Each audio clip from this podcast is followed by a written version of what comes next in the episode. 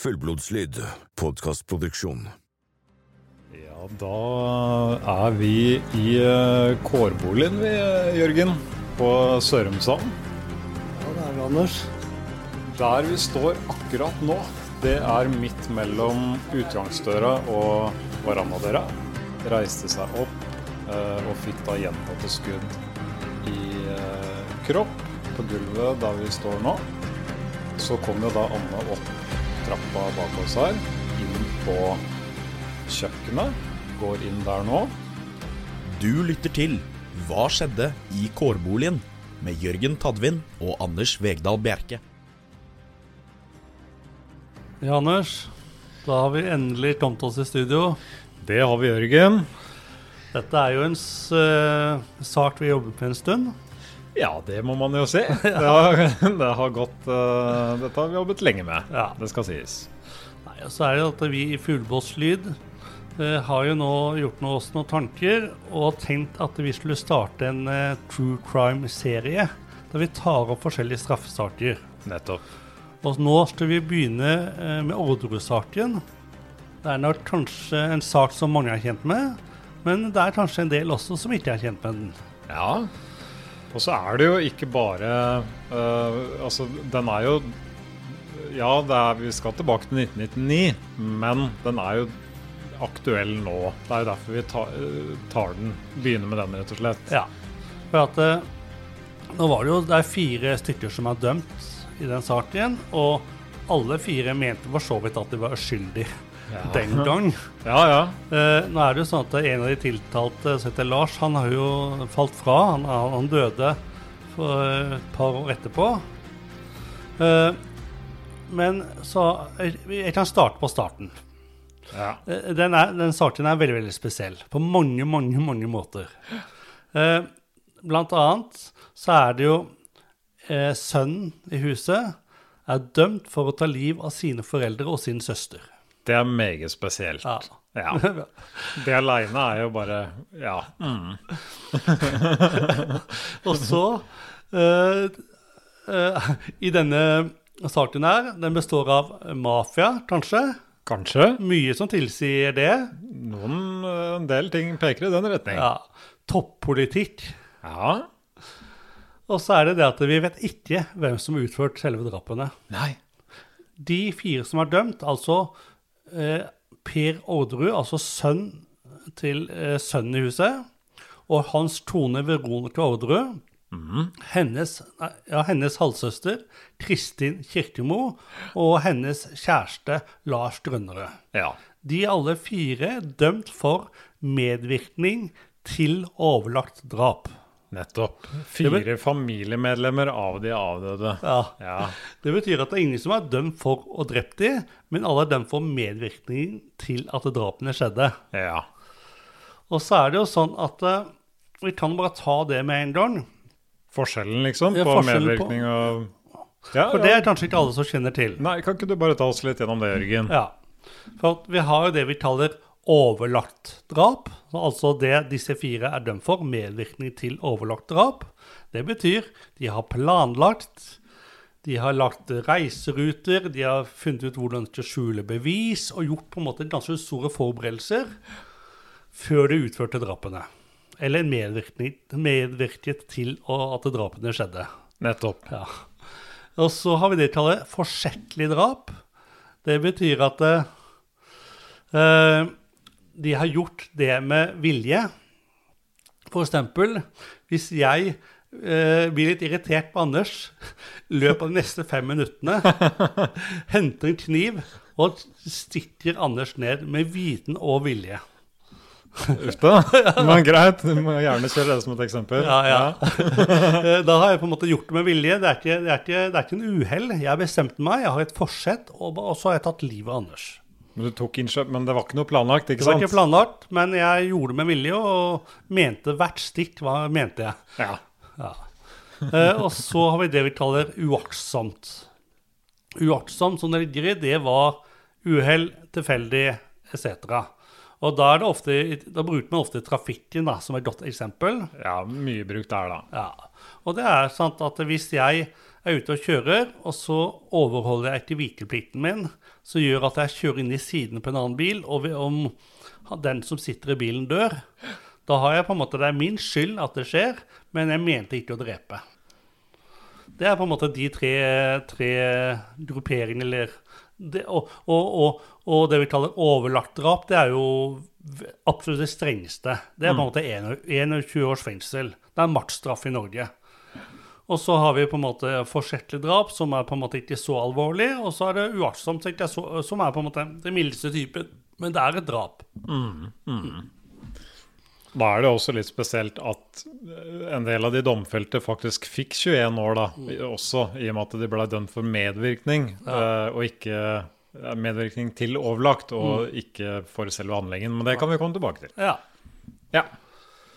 Se, og da kan vi bare si, vi bare fortelle litt kort hva som skjedde. Det tror jeg er lurt. Ja. Ja. At det er sånn at det, natt til pinseaften 22. mai 1999 så blir Christian Magnus, altså far i huset, og Marie Orderud, altså hans kone, altså mor til Per, samt deres datter Anne Orderud Paus, stupt og drept i K-boligen på Orderud gård i Sørum. Og Ja. Sørum er på en måte litt ute på bygda, men her på Østlandet. Eh, ja sånn, du, det, det, hørte det ut fra hva du sa, men en, en bondefamilie, ja. rett og slett. Mm. Ja, ja, hvor alle bor på samme gård og Ja, ja sant, for, for det er det man vet at det, Per Orderud, som er han som er på en måte dømt for drapet sammen med kona si, han bor også på gården, men han bor bare til hovedhuset.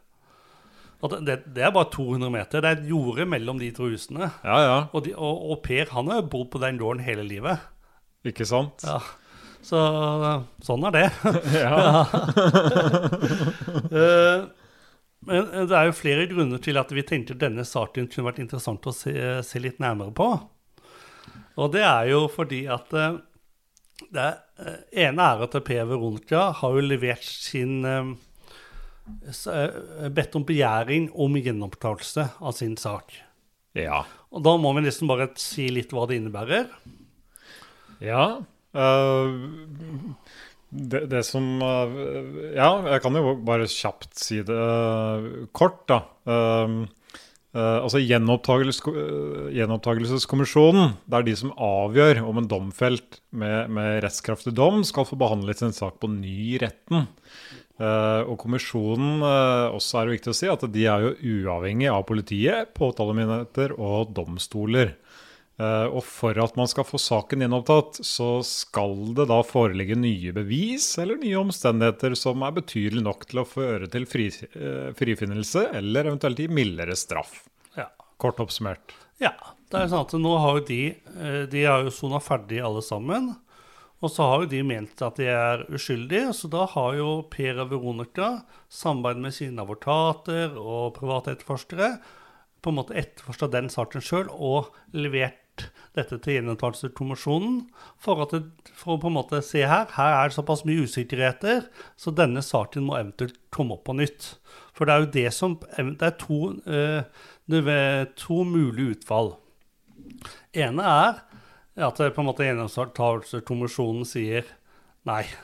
Det, er, det, det har på en måte ikke greid å bevise noe, noe mer. Så at den dommen som står, den, den får bare stå. Og, og alternativ nummer to er jo at de sier her er det såpass mye usikkerheter, det er nye bevis.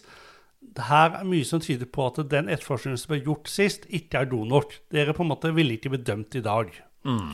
Og da kan de si denne saken må etterforskes på nytt. Og, og nå etter man etterforsker den på nytt, da blir det mest sannsynlig et annet politidistrikt enn som etterforska det sist.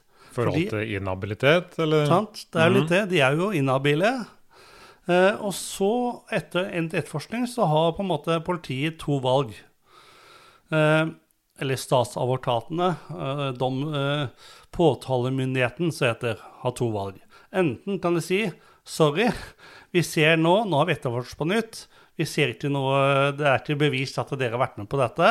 Vi beklager, og dere er frikjent. Da vil jo de få en, en veldig stor erstatning. Eh, eller kan jeg si vi etterforska det. Her er det nye bevis. De, disse bevisene vil, vil vi ta til retten. Og da vil det være en full ny rettsrunde. Med tingrett og lagmannsrett og full hele, hele partetet, så heter det. Ja, ja. Og da kan man en situasjon der Veronica og Per Orderud blir dømt på nytt. Men de kan også bli frikjent. ja. Eh, så det er jo litt interessant. Og det er på en måte en god grunn for oss å ta den saken opp.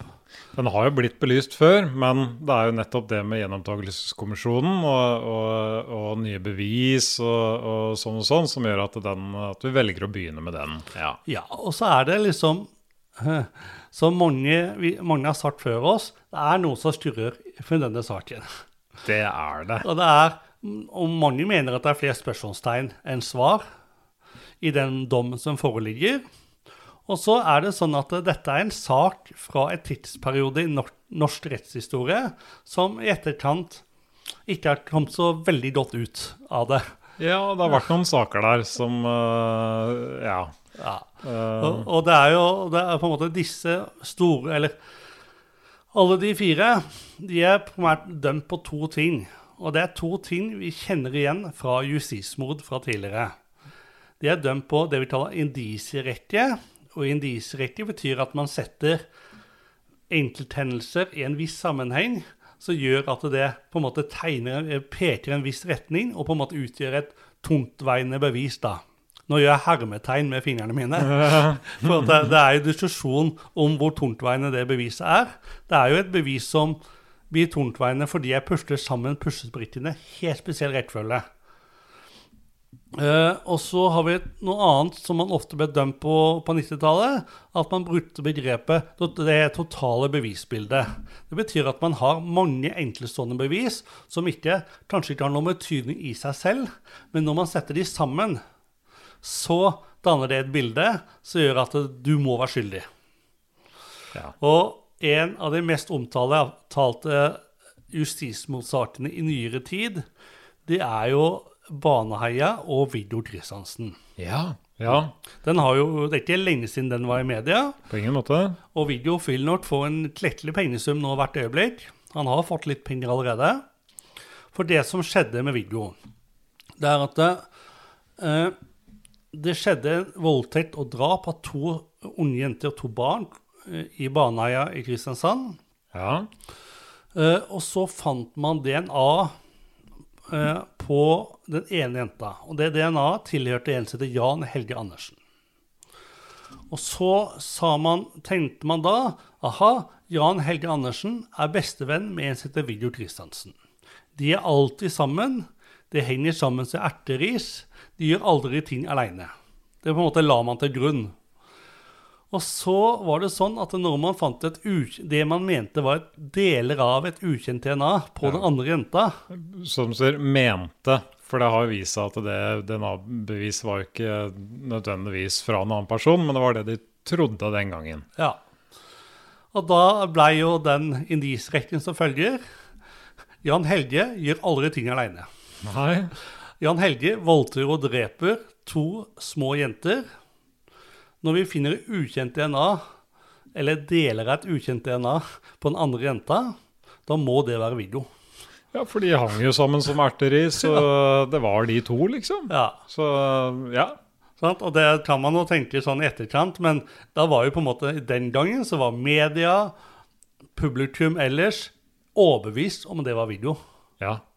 Og, og der eh, trenger ikke å bruke så mye tid på det, men media den gangen var jo mye mer ukritiske enn i dag. De slo jo opp bilder av, eh, av mistenkte før det forelå siktelser eh, og i det hele tatt. Man gjør, man gjør ikke det i dag. Og da fører jo det også med, til at, at eh, folket på en måte forhåndsdømmer jo. Eh, man husker disse bildene av disse to gutta. Du har, eh, du har en uskyldige, litt sånn barneaktige Jan Helge Andersen, og så har du han som ser litt sånn røff ut, Kristiansen. eh. Men i virkeligheten så har jo Kristiansen en uh, ganske liten gutt i Liten forhold. pjokk. Pjokk. Men, men han, greit nok, han var nok litt sånn eh, litt muskuløs, kanskje. Mulig han var litt bøff, det er mulig. Men han var ikke særlig høy. Men det var Jan Helge Andersen. Han var svær. Ja, men det, men det Det kom ikke så godt fram. Nei.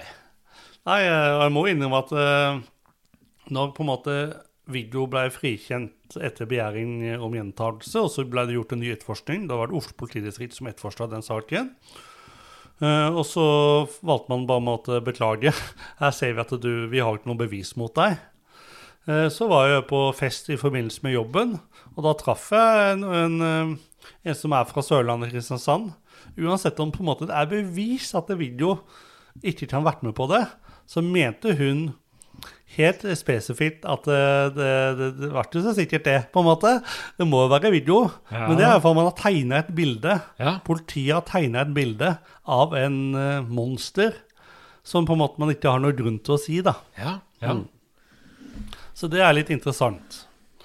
Uh, nå har jo det, og det er jo Kjenner vi igjen også fra uh, saken til Viggo og Baneheia. Det er fryktelig lang behandlingstid i, eh, i gjenopptakelseskommisjonen. Det er det. Det er det. Så det er fem år siden eh, Veronica Orderud og Per Orderud leverte sin begjæring.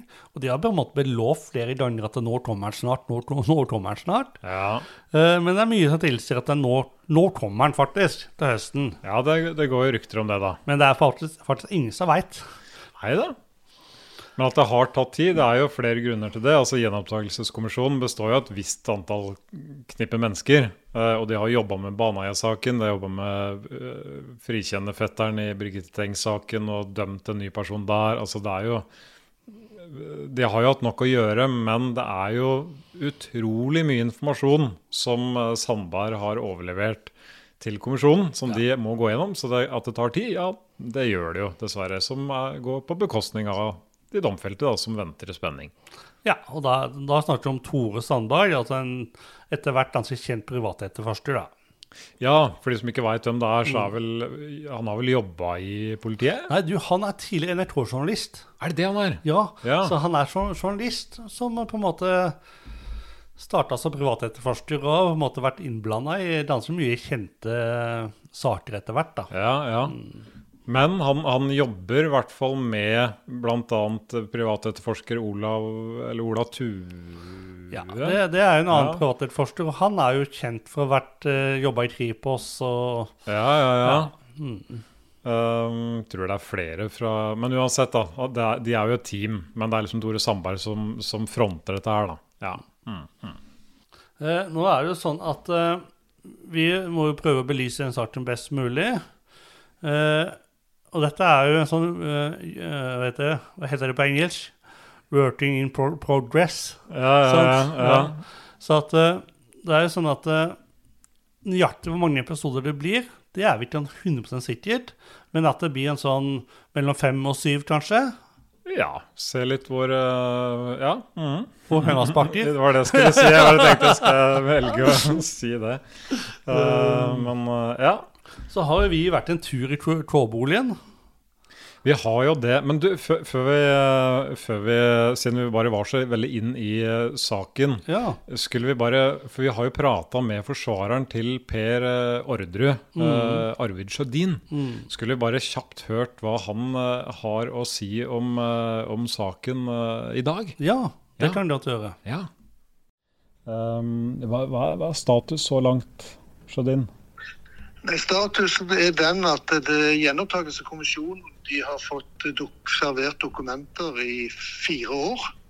Og det er vel ikke sett så stor progresjon der. Men vi har mange krav inne som ligger. Og der en ønsker da gjennomgang bl.a. av tekniske undersøkelser. Og så er det en lang rekke vitneavhør med folk som har henvendt seg til Tor Sandberg, som han har tatt opp på video og som òg må gjennomgås og så sjekke opp mot den tidligere dommen. Du, du, du selv, eh, Sjødin, du har jo bidratt til å frikjenne fetteren i eh, Birgitte Tengs-saken. Du har jo også vært med å frikjenne Viggo Kristiansen i Baneheia-saken, som da kanskje er Norges mest omtalte justismord. Eh, og nå representerer du Per Orderud. Hvorfor gjør du det? Fordi at jeg ser det er veldig mye av de samme feilene som er blitt begått. Altså Man legger ikke til grunn det som ligger eh, foran de som skal vurdere saken. Altså Da tenker jeg på bevis, eh, forklaringer og andre ting. Og nettopp i Orderud-saken så er det kommet inn så mye etter dommen at det er nødt til å endre seg i den forstand at man er nødt til å ta det på nytt. Og da må man ta med de nye opplysningene som kom. Og De nye opplysninger det er veldig mange avhør med folk som kommer til nå og i ettertid og forteller veldig mye om en helt annen situasjon enn det som dommen bygger på. Ja, nei, men eh, takk til eh, Arvid. Um, vi først er inne på rettssystem og, og, og sånne ting, dette er du litt stødigere på meg uh, enn meg, Jørgen. Kan ikke du bare oss, gi oss en liten brief på åssen ting henger sammen? Jo, at det er jo sånn at uh, vi har vel det vi kaller tingrett. I denne saken kaller vi på en måte herresrett, men tingrett og herresrett, det er det samme. Og det er på en måte første rettsrunde, første rettssak. Og så er det sånn at alle som blir dømt i en sak, har på en måte rett på å anke hvis de vil det, og da får de saken sin opp på nytt igjen i lagmanns, lag, lagmannsretten. Uh, og det er utgangspunktet siste mulighet. Så, så, hvis de blir dømt i lagmannsretten, så er det på en måte den dommen som står. Og så har vi på en måte et kontrollorgan over der. Det er det vi kaller Høyesterett. Så hvis de har gjort noe juridisk feil, eller hvis det er noe sånn prinsipielt som man tenker at dette er det er bare Høyesterett som, som, kan avgjøre, så kan man påklage eller anke til Høyesterett. Men stort sett så er det jo bare sånne juridiske feil, da. Så hvis det er gjort noe juridisk feil, så kan man få saken sin opp i Høyesterett. Mm, mm. Og så kan vi jo på en måte si litt hva de forskjellige aktørene i retten også Ja, ja, ja. ja. Kjør på. Det er jo sånn at det er politiet, det norske, norske politiet, som etterforsker saken. Eh, og så er det sånn at når, når de føler, at, føler, at, de er ferdig etterforsket, så eh, leverer de saken til statsadvokaten, som ser om dette er nok til å gå opp, eh, ta opp i dette er, eller om det må gjøres nye, nye etterforskningsskritt, eller om saken skal henlegges. Eh, og over statsadvokaten så har vi riksadvokat. Og riksadvokat de er, i, de er nok mer innblanda på, på, det overordnede plan. At ja. det passer på at det på en måte fagansvarlig for eh, de norske lovene. At de norske lover tolkes riktig av statsadvokat, av politi og, måte, og resten av rettsstaten. Ja, for det, Hvis jeg har forstått det riktig, så er det vel sånn åtte-ti eh, statsadvokatembeter i Norge. Med ja, mange statsadvokater, men det fins bare én riksadvokat i Norge. Ja, og han har nok et team rundt seg som på en måte hjelper han litt. og sånn, Men er måte, han er den ene, og han er på en måte ja, fagansvarlig. Ja, ja. Og så er det jo grunn til at jeg nevner akkurat riksadvokat i denne saken. For dette er en sak han har vært innblanda i. Han var jo det. Han var det. Han, han, han, en riksadvokat er ikke i retten, men han er jo på en måte litt i, på, i, i bakkant. Og så var det jo sånn at statsadvokat eh, Bush eh, ønsket å henlegge saken mot Per og Veronica Orderud fordi at han mente de ikke hadde nok bevis mot de. Ja, ja. stemmer det. Ja. Og så er det jo sånn at i etterkant så har han forklart litt sine tanker bak. Men da var det utgangspunktet at de ønsket å sitte, sånn jeg forstått det, at de ønsket å på en måte se på For da det ikke, hadde de ikke etterforska nok, så da var det egentlig innstilt på overlagt drap, ikke medvirkning, som på en måte det blei til slutt. Så da så, uh, tenkte statsadvokaten, eller så på bevisene, vi har ikke nok bevis, mot Per Veronica på overlagt drap på, sine, på Per sine foreldre og søster. Og så er det jo sånn at da er Riksadvokaten eh, Han eh, ser på, får dette på sitt bord, så gjør at han tenker litt annerledes om det, han. Ja. Han tenker nei, dere har kanskje ikke nok bevis mot uh, Per Veronica på overlagt drap. Ja, for det, for det, Jeg vet ikke om du sa det tidligere, men tanken var jo å uh, frikjenne Per og Veronica. Mm. Nettopp for at Lars og Kristin, øh, som et taktisk spill, da, for, for, for å kanskje prøve å få litt mer For da blir det jo mer press på de, hvis Ja, det, det er det han har sagt i etterkant. Ja, så vi Ja. veit jo ikke, men, men det er det som Men på en er måte, det tørre fakta er at man har ikke nok bevis mot Per Veronica, Derfor henlegger man saken mot de. Riksadvokaten tenkte litt annerledes. Han tenker nei, vi prøver å eh, sikte alle fire for medvirkning til overlagt drap. Ja. Og så har på en måte SAS-advokaten i etterkant sagt at han For nå hadde man en del bevis mot Lars og, og Per. Nei, eh, beklager. Lars og Kristin. ja. Eh, så, så, og, og spesielt Kristin. Hun på en måte er eh, At hun har vært innblandet i dette her, det kan godt hende.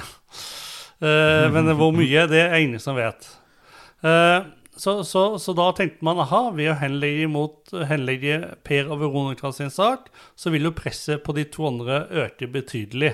Nettopp. Det er en viss logikk i det, men hva som egentlig er sannheten, det er jo på en måte, det er bare statsadvokaten og Ja, de, disse folkene her som vet, da. Da, og da var det vel Jørn Sigurd Maurud som var statsadvokat den gangen, som er riksadvokat i dag. Ja. Um, Så her, denne saken vil jo være veldig mange navn. Så, så vi får se litt, Anders, om vi på en måte skal på en måte begrense. Ikke, ikke på en måte komme med 100 forskjellige navn. Men det viktigste er at det er i hvert fall noen navn som man må lære seg etter hvert. ja. Og det er Christian, som er da far og, og far til Per og drept. Marie, som var mor til Per og drept. Og Anne, som var søster til Per og drept. Og Per Orderud, han er jo gift med Veronica Orderud, som er eh, søsteren til Kristin Kirkemo. Og, Kristin, og Lars Grønnerød er da kjæresten til Kristin. Det er på en måte, de er iallfall det viktigste navnet å få med seg. Ja, Så vil vi nevne noen flere navn etter hvert, men på en måte har man kontroll på de navnene, så har man kontroll på mye av denne historien her, da. Ja, ja. Vi- før, før vi eh, går videre, når vi først er inne på tingrett og lagmannsrett, og skal jeg bare kjapt si hva som var utfallet i, i, i eh, de forskjellige rettsinstansene? Ja, det kan man jo. Ja, Bare, bare veldig kort. Altså, Første rettsrunde den ble avslutta i Nes herresrett 22.6.2001. Uh, og den ble vel holdt på Frogner grendehus. Eh, og da var det en arvestrid, som vi skal komme tilbake eh, til nærmere seinere, som de la til grunn for dommen, hvorav Per og Veronica Orderud og hennes halvsøster Kristin Kirkemo, som det nevnte i stad, alle blei da i Nes herresrett dømt til 21 års, eh, fengsel for medvirkning til overlagt drap. Uh, Fjerdemann, Lars Grønnerød, han ble ansett å ikke ha en så sentral rolle og fikk to år og seks måneder, da retten mente at han hadde opptrådt uh, hva er det de sa for noe? moralsk klandreverdig, tror jeg det ja, Man, sa. hvis vi bruker det begrepet som vi brukte i stad, da tolket man på en måte hans rolle som litt sånn mer uaktsomt. da. Ja, ja, ja. At det er sant? At han på en måte, ja, han har gjort forskjellige ting, men han har på en måte ikke skjønt konsekvensen av det. Nei. Nei. Og da anka jo Ja, alle, alle anka bortsett fra Lars, fordi han hadde jo sona mesteparten av, av dommen. For man sitter jo da i, i varetekt eh, mens uh, saken pågår. Um, uh, så det gikk jo da videre til Eidsivating lagmannsrett, uh, hvor det ble en, eh, avsagt en dom 5.4.2002. Um, bare en liten sånn fun fact. Det, det ble faktisk holdt på Åråsen eh, stadion på Lillestrøm pga. plassmangel. For dette var jo en vanvittig stor sak. Det var jo hele eh, Norges pressekorps eh, måtte få plass, så, så, den ble holdt der. Um, den nye rettsruden den utgjorde vel egentlig ikke noen forskjell på ekteparet Orderud, for de fikk jo fortsatt 21 år. Eh, Kristin derimot fikk nedjustert dommen sin til 16, mens det som eh, det kommer vi tilbake til, Lars Grønnerud han gikk jo da fra to år og seks måneder, men ble der dømt endelig til 18 år. Altså til en endelig dom, da, ikke Ja. Så Nei, men det var kort om det. Nei, sant, og da, da er jo det, det er jo interessant, for, for at mye av bevisbildet var jo det samme. Men her har man på en måte tolka bevisene litt annerledes. Der man overfor Lars tenkte at det var en uaktsom del. At han på en måte har bidratt, men har ikke skjønt egentlig konsekvensen av de bidragene han har kommet med, så tenkte man i større grad at det var på en måte en overlagt del. Han skjønte veldig godt hva han bedreiv med. Ja. Sant? At det han, har, det han har hjulpet til med, det har han skjønt, og han visste konsekvensen. Det, ble, det var i hvert fall det han ble dømt for. Ja, det, det er jo sånn det er, på en måte. Eh, ja eh, Kanskje vi skal høre litt lyd fra kårboligen nå? Ja, litt avbrekk, for nå har vi Ja. prata så mye om rett og vi, vi, vi måtte jo nesten ta en tur eh, dit det hele starta, Jørgen. Altså selve åstedet, uh, som da er kårboligen på, på Ordre gård. Uh, og jeg tenker Det er liksom viktig alltid vi skal snakke så mye om det, og ikke bare referere til noe vi kun har sett på bilder, men, men føle, litt, føle saken litt ekstra på kroppen, kanskje. Så vi tok med lydutstyr. Ja, hør på dette her. Ja, da er vi i eh, kårboligen, vi, eh, Jørgen. På Sørumsand. Ja, det er vi, Anders. Der vi står akkurat nå, det er midt mellom utgangsdøra og verandadøra. Døra jeg ser på nå, det er jo den verandadøra som de sier ble knust, hvor de kom inn. Vi står nå på toppen av trappa hvor eh, Anne Ordre Paust hadde soverom i etasjen under. Hun kom jo på et tidspunkt opp denne trappa etter hun hadde av, eh, hørt skudd bli avfyrt. For det, de, de mener vel da at eh, Christian først ble skutt eh, på soverommet. Eh, så er det litt uenighet om eh, gjerningspersonen gikk tilbake på soverommet, satt ham på kne og ga ham et nakkeskudd etterpå, eller om det ble gjort i samme, en og samme omgang. Anne, eh, nei Marie, hun ble jo skutt i seng, reiste seg opp eh, og fikk da gjentatte skudd i eh, kropp på gulvet der vi står nå, og ble liggende på ryggen. Så kom jo da Anne opp trappa bak oss her, inn på kjøkkenet. Går inn der nå. Det er jo bare spekulasjoner, men tanken er vel kanskje at eh, hun prøvde å rømme ut eh, døra, men det rakk hun ikke før hun da fikk eh, noen skudd. Segna om og ble liggende midt under vinduet og, og kjøkkenbordet. Da i nærheten av, av verandadøra, eller terrassedøra, da. Det som skal sies, er at dette var jo nærmest en henrettelse, fordi alle fikk jo forsøksvis da et nakkeskudd. Eh, som sagt, eh, Christian, om det skjedde umiddelbart, eller om det skjedde på vei ut, så, så ble han da satt på kne liggende over senga, fikk et skudd i nakken med en 38 kaliber. Skudd i kropp var vel av 22 kaliber. Slik jeg har forstått det, så har alle fått skudd fra to forskjellige pistoler. Anne Ordre Paust fikk også et nakkeskudd.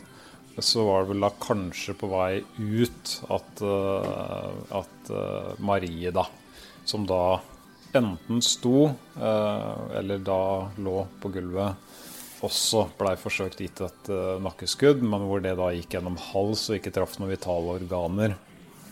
Som da gjorde at hun ikke døde umiddelbart. Hun skal da visstnok ha levd noen timer eh, etterpå.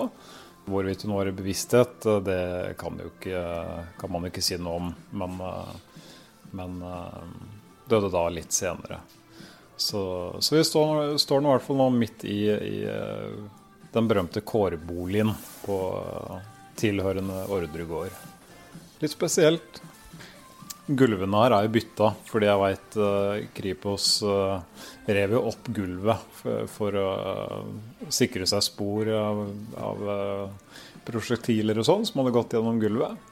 Så, så Men det ser jo i og for seg eh, Ja, det er vanskelig. Dette er jo lenge siden, eh, Jørgen. Men, men eh, hva som har blitt pussa opp etterpå, er vanskelig å si. Men, men gulvet er i hvert fall bytta. Det, det er det ikke noen tvil om. Så, så det er jo Ja. Så tenkte jo dette innredningsmessig ganske tro mot kanskje sånn det var.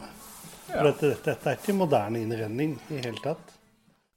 Ja, eh, for, eh, for oppmerksomme lyttere så hører man kanskje noen små tekniske feil, og vi var blant annet eh, Vi måtte klippe ut uh, rommet til Christian og Marie og sånn. Dette er jo et bebodd hus, så vi måtte ta litt hensyn til de som bor der. Uh, Så, så, men, men uansett, da fikk vi vært en tur i kårboligen. Um, jeg veit ikke, Jørgen. Skulle vi For det blei jo holdt en pressekonferanse i 2018. Ja, det er jo i forbindelse med den gjenopptakelsesbegjæringen som er levert for uh, 2018. Så kalte Tore Sandberg, som er på en måte han som har på en måte leda den etterforskningen, og Per Veronica og var Sulland var kanskje også med, tror jeg. Frode Sulland, ja. Ja. De holdt en pressekonferanse i forbindelse med dette her, da. Så hva var det Ja, hva, hva Hvordan Ja. foregikk det? Ja, nei, altså, det, det var jo ehm, eh, Ja, de, de samla seg jo med Per og Veronica. Uh, for da hadde jo Sandberg jobba i det stille med dette her i flere år før de slapp ut. Ehm, så, så, så Og han har jo da gravd fram eh, han, han har snudd på hver stein, for å si det sånn, fra, fra, fra den gangen rettssaken pågikk. Da dukket opp nye opplysninger. Eh, n- Så var det en viss symbolikk, da. At de hadde pressekonferansen på Jo, jo. låven på Orderud gård. Ja, ja, klart det. klart det. Nei, altså det var jo liksom bare for å øh, Som et statement at OK, nå Dette er planen vår. Dette, dette skal vi jobbe videre med nå. Per og Veronica er ifølge dem uskyldig dømt, og det er det det går på. Mm. Uh, vi skal forholde oss objektive, selvfølgelig. Eh, Ja, vi, vi har jo på en måte tenkt at nå, nå blir det jo litt den formen vi har nå. Sånn at eh, jeg og Anders sitter og prater litt om den saken. Vi har jo på en måte lest oss opp og vært interessert i den saken i, mange år, siden 90-tallet. ja, vi husker jo saken. Vi er Ja, jo 83-modeller begge to, Ja, Jørgen. Ja. Ja, Så vi var jo vår beste alder, vi, på 90-tallet. ja. ja, ja. Ja. Eh, så, så, og så er det sånn at det er hensikten at vi sitter og prater om det. Og så kan det hende, fordi dette her eh, Vi kommer til å klippe minimalt disse opptakene. Ja. Så kan det hende at det av og til blir litt unyanserte. For at det blir på en måte i en dialogform en liten sånn Vi kan jo kalle det en kaféprat mellom to Ja. kompiser ja, som kjenner saken godt. da. Men vi skal nok ikke eh, Jeg tror nok vi skal unngå å gjøre sånne store brølere og komme med harde påstander som ikke stemmer. Ja, da, da retter vi hverandre underveis, og, vi, og hvis vi Ja, vi, skal i hvert fall komme ut i andre enden uten, uh, uten feil. Mm. fordi at da, da får vi eventuelt bare bryte inn seinere og si at uh, Ja. Vi, uh, det, det er ikke tatt etter fri hukommelse, dette her. Nei, her har vi gjort mye research, det må vi jo si, selv Ja. om vi har fulgt med saken i alle år. Så kan det hende at det er en- enkeltstående bevis. For nå er det jo på en måte Tore Sandberg har jo kommet med noen nye bevis, og setter kanskje gamle bevis inn i litt annen kontekst. Og så tar jo politiet det de mener er på en måte tungtveiende bevis som dømte de fire. Så kan det hende at vi kommer i situasjoner der vi ikke har de notatene, men vi tar litt etter hukommelsen, og at det er grad av usikkerhet på enkeltstående ting. Men hovedtrekkene og de fleste bevisene, det er på en måte ting som vi har gjort grundig research på, og, og, skal, og det skal være ganske presist. Det, det mener jeg. Ja. Det tør jeg påstå. Yes. Eh, Helt avslutningsvis i denne episoden så tenkte vi at vi må eh, forklare litt noen attentater som Anne Orderud Paus og Per, Ordre, per Paus var utsatt for. Og Ja. Per Paus er jo mannen til Anne Orderud Paus, altså søsteren til Per Orderud. Nettopp. Mm. Ja. Uh, ja, vi, vi går jo grundigere gjennom det seinere, men, men fint å bare forklare nå. Um, det var jo da et, eh, et eh, attentat, eh, altså en, en dynamitt som ble plassert under bilen til Anne Ordre Paust i 2018. Um, 15. juli, var det? Ja, eh, 1998. Og jeg sa 2018. Å, herregud. Sorry. Ja, ja, men der, der har vi litt av formen. det, det kan jo si det liksom for dere litt eh, observante lyttere. Norge, eh, at i 2018 så er, eh, så, så, så, så er jo Anne Ordre Paus død, da. For hun dør jo i 1999. Ja, hun er kanskje død, da. Ja. Men det er greit, ja. ja. ja nei, altså da, da fant Da skulle hun på jobb. Um, hadde med seg mannen, Per Paust, i bilen. Eh, hun hadde vel allerede fra hun satte seg i bilen, observert at der hang det en eh, liten rød pølse. eh, som hun ikke visste hva var. Hun eh, kjørte mannen sin til eh, sin jobb, som var i Utenriksdepartementet. ja. Eh, Så kjørte hun eh, til sin jobb som sekretær i Forsvarsdepartementet. Der kontakta hun en, eh, en eh, kar som eh, Ja, det var en av disse sikkerhetsvaktene, men han hadde en del erfaring med dette fra tidligere jobb. Han fant jo da fort ut at dette var snakk om en dynamitt. Um, og, og, så, så det var på en måte første Kall det attentatet, da. For det, ja, dynamitten gikk jo ikke av. Men, men uh, Og det kom jo av at det ikke var noe fenghette. Eh, men den, det er jo spørsmål om den har vært der, men falt av under kjøreturen da, fra hjemmet deres til jobben. Ja. For det, eh, der har jeg lest at eh, fra produsentene at den fenghetta detter veldig fort av. Og at det lå andre spor ved bilen der, kan vi komme tilbake til seinere til. Men, men, ja, det, det var åpenbart et attentat. Um, kjapt over til det neste attentatet. Um, det var jo det eh, man bare kaller gassattentatet. Um, vi skal jo da til august uh, 1998. Uh, til leiligheten uh, til eh, Anne Ordre Paust og Per Paust, som de hadde i fjerde etasje eh, i Oslo. Eh, per eh, Paust han, han våkna litt over fem en onsdagsmorgen. Eh, på vei til toalettet så kjente han en litt uvanlig lukt. Eh, så gikk han nærmere gangen, lukten ble sterkere, og så hørte han en susing fra ytterdøra. Eh, da han prøvde å se ut gjennom kikkhullet, så så han bare svart, noe som var høyst uvanlig. Og det var rett og slett for at noen hadde dekket for kikkhullet. Så dette var jo åpenbart ikke Dette var jo rettet mot dem. Det var en teipbit som satt over der. Um, og det viste seg da at det var én propanbeholder Ja, Som- Fem liters eh, dunk. ja, som sto i trappeoppgangen med ventilen oppe, så hele trappeoppgangen var full av gass. Uh, I tillegg så var det da noen som hadde helt bensin i trappeløpet.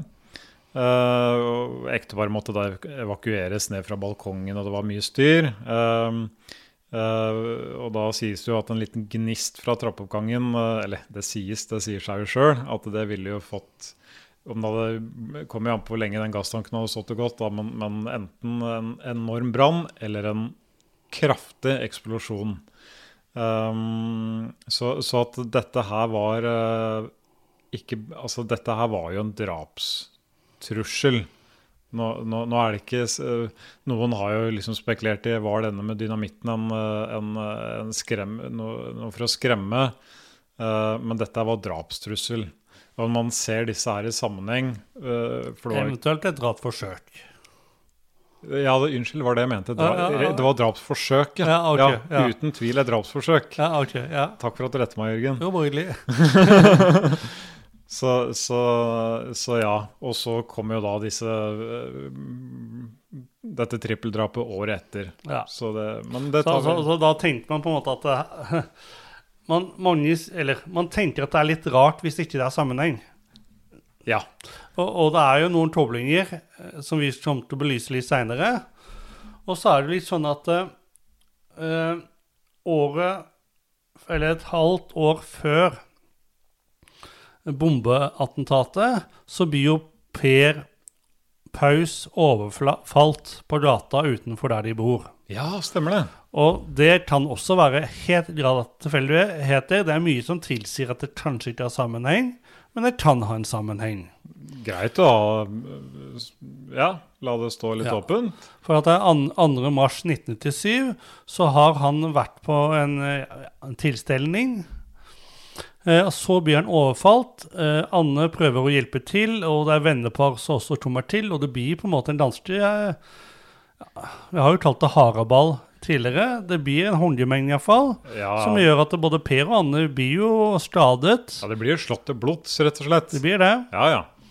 Så, så, så forsvinner jo gjerningsmannen etter hvert, da. Men på en måte om dette har noe sammenheng, det er jo spørsmålet. Men både den som står bak attentatene og, og overfallet, det er jo mennesker som eh, man ikke helt vet hvem er, da. Nei, nei. De si, sier vel at den mannen var svensktalende, øh, og det skjedde jo så mye på én gang, men, men de trodde at Eller de mente vel at han på et tidspunkt var på vei til å sette seg bak rattet på den bilen. Så det er der da, at det kan tyde på at det var en som prøvde å stjele bilen, men så, så, men vi, vi skal kanskje ikke bruke så mye mer tid på akkurat det øh, overfallet slash attentatet der, men det er fint å nevne det. Mm. Det syns jeg. Ja, Anders. Skal vi nå kanskje avslutte for i dag? Vi kan godt gjøre det, Jørgen. For i neste episode da skal vi se litt på, nærmere på de involverte Ja. i, i, i eh, Orderud-saken, altså ofrene og de tiltalte. Mhm. Så kan vi jo bare si avslutningsvis at det er Kristin Kirkemo hun ble dømt for bombeattentatet i tingretten. Hun blei det. Nei, så Jeg vet ikke helt hva jeg skal si. For at jeg tenker at jeg, jeg tenker egentlig fortsatt litt sånn som jeg gjorde den gangen. Da. At jeg tenker at hun var eh, ganske ustabil. Eh, sikkert mye fordi at hun rusa seg, men også fordi at det var Altså hva kom først, liksom? Altså høna eller egget, ikke sant? Sånn at øh, øh, altså Hun levde jo et liv hvor hun rusa seg på amfetamin og, og var våken døgn i strekk, ikke sant? Og, og altså, fikk hallusinasjoner og Sånn at det var jo på en måte rimelig turbulent. Og så kom liksom dette opp i dette med, med Så fikk hun problemer ikke sant, i forhold til at de tok, eh, tok ungen fra henne. Eh, og de vanskene det medførte med at det, at det var familien Altså ungen ble plassert hos familien. ikke sant, Det i seg selv er jo ganske trøblete. Eh, Sånn som Det var mye som ble gjort den gangen som ikke burde vært gjort på den måten. da, Men det er så lett å se å være etterpåklok, ikke sant. Um, så, sånn at jeg tenkte jo den gangen at, at Kristin var på en måte utsatt. Da, at hun var uh, sårbar, og at hun fort kunne ha blitt utnytta. Både av andre, men på en måte også av politiet, sånn som saken utvikla seg. da. Du har lyttet til en podkast produsert av Fullblodslyd.